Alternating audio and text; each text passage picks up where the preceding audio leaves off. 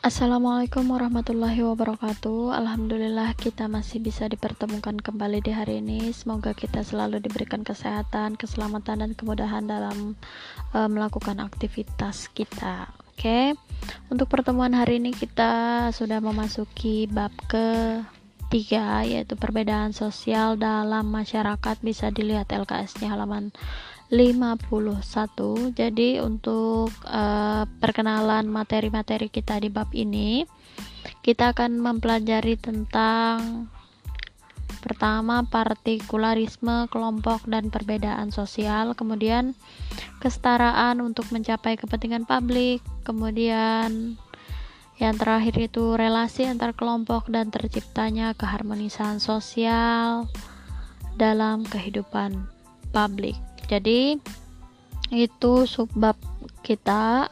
Kemudian untuk uh, materi pada pertemuan kali ini kita akan mempelajari tentang stratifikasi sosial. Jadi untuk tujuan pembelajarannya setelah mempelajari materi ini siswa diharapkan mampu menjelaskan perbedaan sosial dalam hal stratifikasi sosial dengan tanggung jawab. Oke? okay? Kita langsung saja masuk ke materi kita yaitu partikularisme kelompok dan perbedaan sosial. Jadi dalam kehidupan sehari-hari kita pasti menemukan yang namanya perbedaan. Perbedaan ini de dalam bentuk yang beragamnya jadi banyak sekali ada yang berbeda agama, ras, suku, kemudian berbeda pandangan dan lain sebagainya. Jadi perbedaan-perbedaan yang ada yang muncul tadi yang sudah Ibu sebutkan itu lahir dari struktur sosial di masyarakat. Jadi untuk uh, definisi struktur sosial ini sendiri ini adalah pola perilaku berulang yang menciptakan hubungan antar individu dan antar kelompok dalam masyarakat. Struktur sosial ini biasanya bersifat abstrak dan tidak dapat terlihat oleh mata.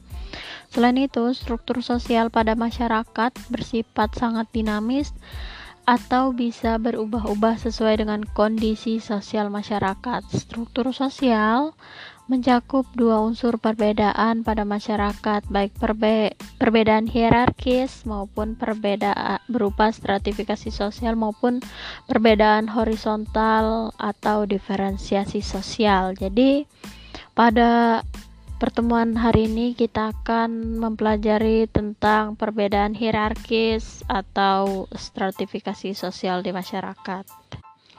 Bicara tentang stratifikasi sosial, stratifikasi sosial ini adalah perbedaan sosial secara vertikal. Jadi kalau misalnya kita gunakan garis, jadi garisnya itu uh, lurus yang mengacu pada tingkatan atau lapisan sosial masyarakat. Misalnya uh, ada masyarakat kelas atas, kelas bawah, menengah dan lain sebagainya. Ada yang misalnya kalau dalam uh, apa ya dalam hal pendidikan ada yang pendidikannya tinggi ada yang pendidikannya rendah ada yang pendidikannya uh, apa ya tidak berpendidikan begitu. Jadi ya seperti itulah. Itu adalah salah satu bentuk atau contoh dari stratifikasi sosial di masyarakat yang sering kita temui. Kemudian untuk proses terbentuknya stratifikasi sosial ini ada dua cara yaitu alamiah dan sengaja dibentuk. Untuk uh, Pelapisan sosial atau stratifikasi sosial yang terjadi dengan sendirinya atau alamiah ini biasanya uh, tanpa disadari atau muncul begitu saja. Kita contohkan di sini stratifikasi berdasarkan kepandaian, tingkatan umur, kemudian sifat keaslian, kekayaan dan keturunan. Jadi itu adalah stratifikasi sosial atau pelapisan sosial yang terjadi dengan sendirinya.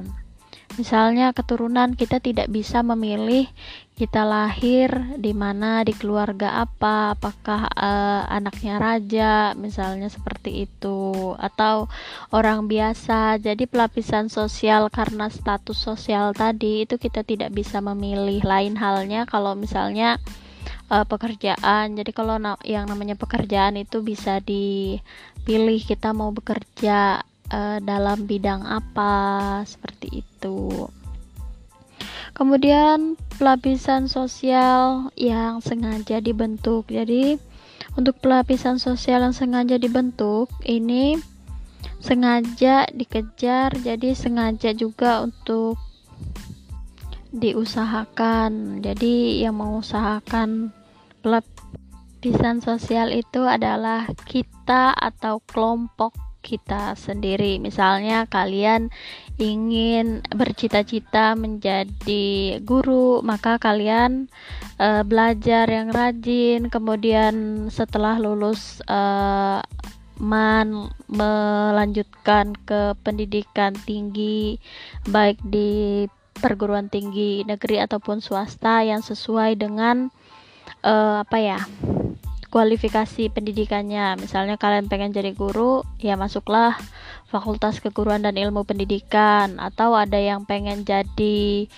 tentara kemudian mengikuti seleksi setelah itu melakukan pendidikan dan lain sebagainya seperti itu. Jadi pelapisan sosial yang sengaja dibentuk ini dia ada usaha apa ya terbentuk karena ada usaha dari kita pribadi seperti itu. Kemudian kalau misalnya kita melihat stratifikasi sosial dari segi sifatnya, ada stratifikasi sosial terbuka, tertutup,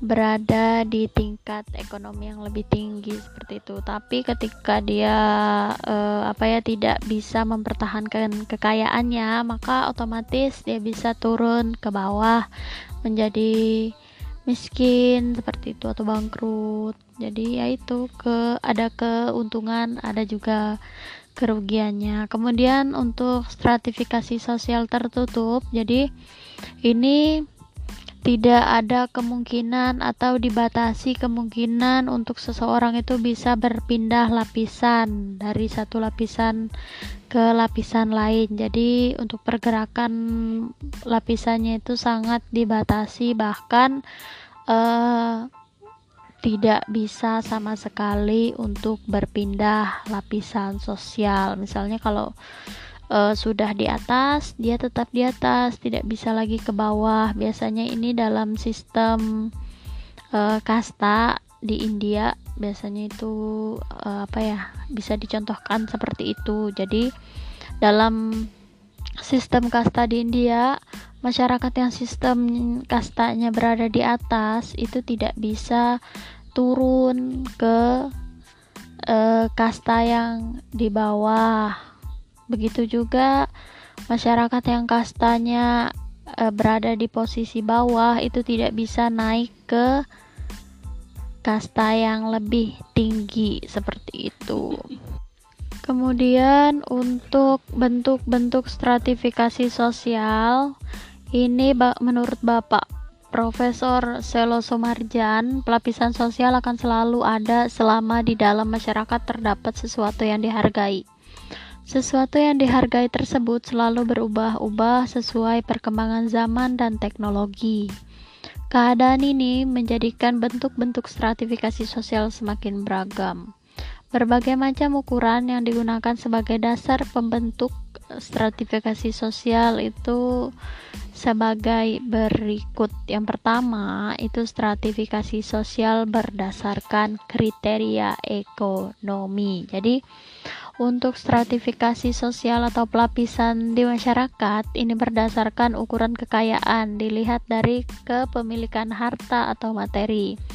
Mereka yang memiliki kekayaan paling banyak termasuk golongan lapisan atas. Kekayaan yang dimiliki dapat dilihat dari bentuk dan modal rumah, mobil pribadi, cara berpakaian, cara berbelanja dan tempat makan. Pada sistem pelapisan ini masyarakat digolongkan menggunakan istilah kelas sosial.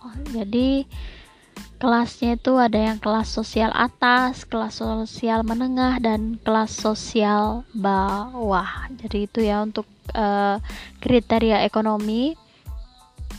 Kemudian untuk kriteria sosial, jadi stratifikasi sosial atas dasar kriteria, kriteria sosial ini pembedaan anggota masyarakat dikelompokkan berdasarkan tingkatan sosial, berdasarkan statusnya ya. Uh, stratifikasi sosial dalam masyarakat dibedakan menjadi tiga yaitu sistem kasta pada masyarakat Hindu, stratifikasi sosial berdasarkan bidang pekerjaan, uh, kemudian stratifikasi sosial berdasarkan pendidikan. Jadi untuk kriteria sosial bisa kita lihat dari kasta, kemudian bidang pekerjaan dan pendidikan. Seperti itu. Seperti itu kemudian selanjutnya uh, untuk uh, stratifikasi sosial berdasarkan kriteria politik. Jadi pelapisan dalam masyarakat berdasarkan kriteria politik berarti membedakan penduduk atau warga menurut pembagian kekuasaan menurut Ivar.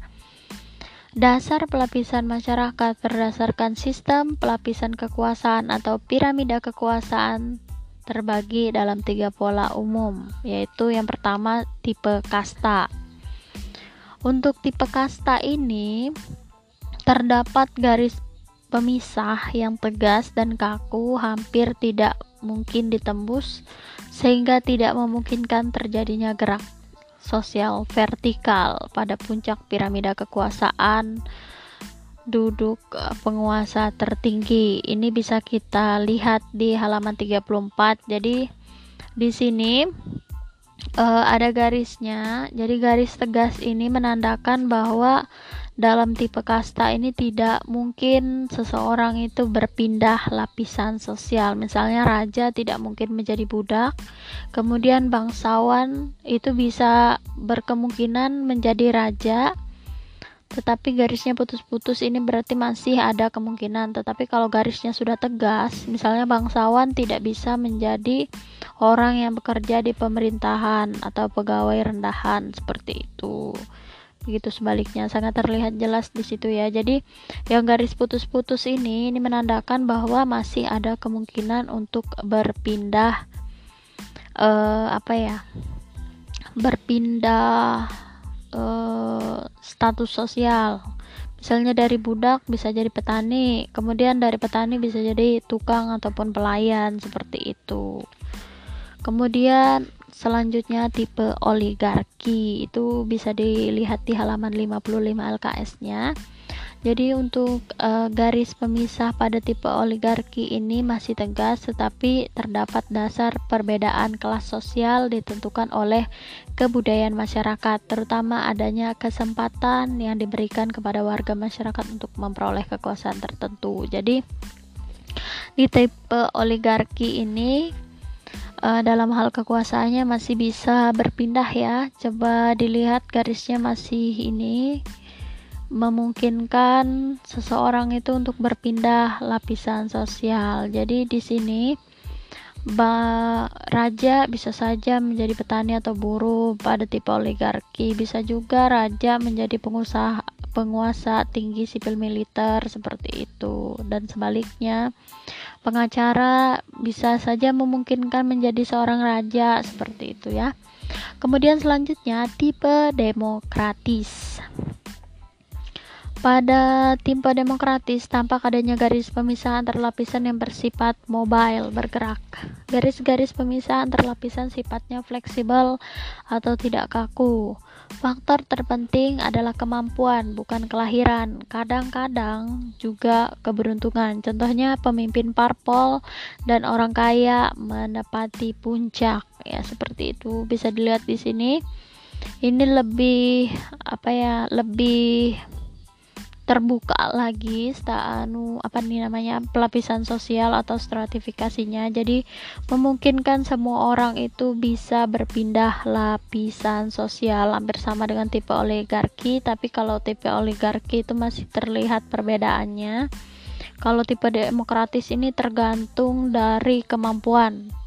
Bukan kelahiran bukan misalnya hmm, meskipun anak raja tapi kalau nggak bisa ngapa-ngapain dia nggak akan bisa dihargai atau tidak akan bisa menempati posisi yang tinggi di masyarakat seperti itu. Kemudian masuk ke mobilitas sosial sebagai dampak dari adanya stratifikasi sosial. Jadi mobilitas sosial ini mempunyai kaitan yang erat dengan stratifikasi sosial atau pelapisan sosial. Alasannya karena mobilitas sosial merupakan gerak pindah dari suatu lapisan ke lapisan lain, baik dari bawah ke atas maupun dari atas ke bawah. Jadi untuk definisi sendiri Kata mobilitas sosial ini berdas, berasal dari kata mobilis yang bahasa Latin yang berarti bergerak dan kata sosial dalam bahasa Inggris yang artinya masyarakat. Uh, secara etimologis atau kebahasaan mobilitas sosial adalah gerakan masyarakat.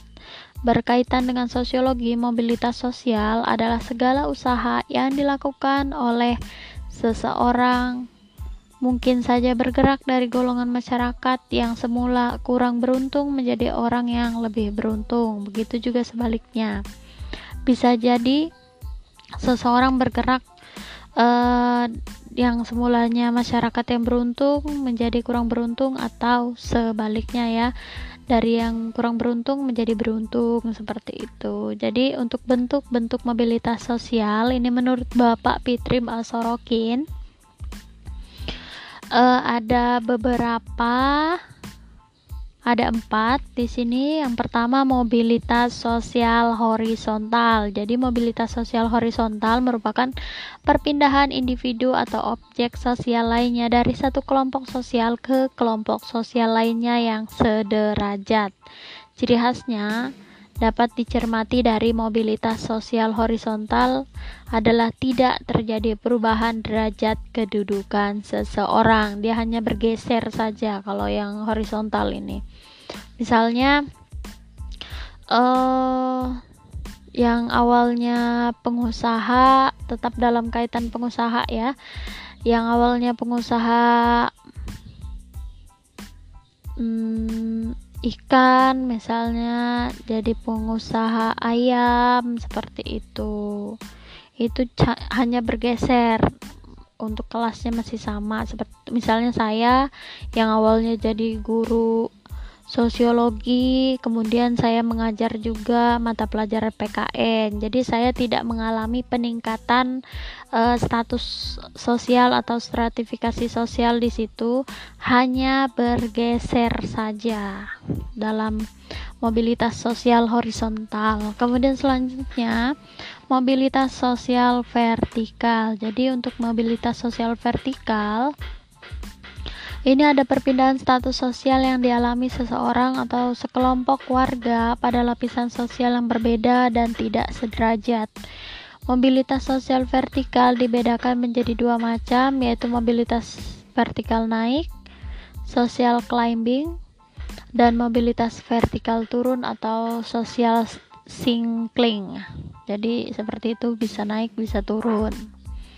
Kemudian selanjutnya mobilitas in intragenerasi. Mobilitas intragenerasi merupakan perubahan status yang menyangkut diri seseorang atau individu sendiri.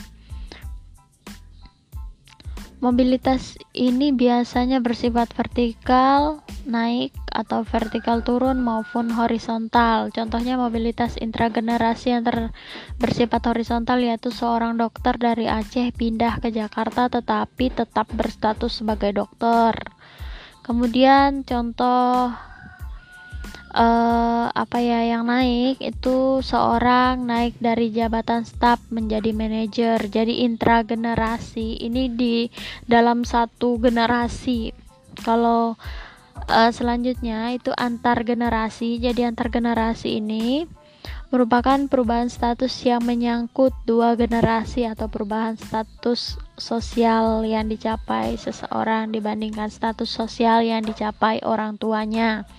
Misalkan orang tua kita eh, petani, kemudian anaknya statusnya naik menjadi pegawai negeri misalnya seperti itu. Jadi ada mobilitas sosial antar generasi naik.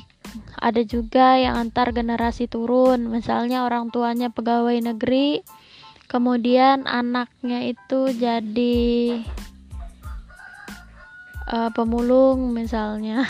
Jadi itu mobil mobilitas sosial yang turun. Antar generasi turun seperti itu uh, ibu rasa itu untuk materi stratifikasi sosial kita. Selanjutnya kita akan mempelajari tentang diferensiasi sosial pada pertemuan selanjutnya. Uh, jika ada yang tidak dipahami dari apa yang ibu jelaskan bisa langsung ditanyakan di uh, grup sosiologi kelasnya masing-masing.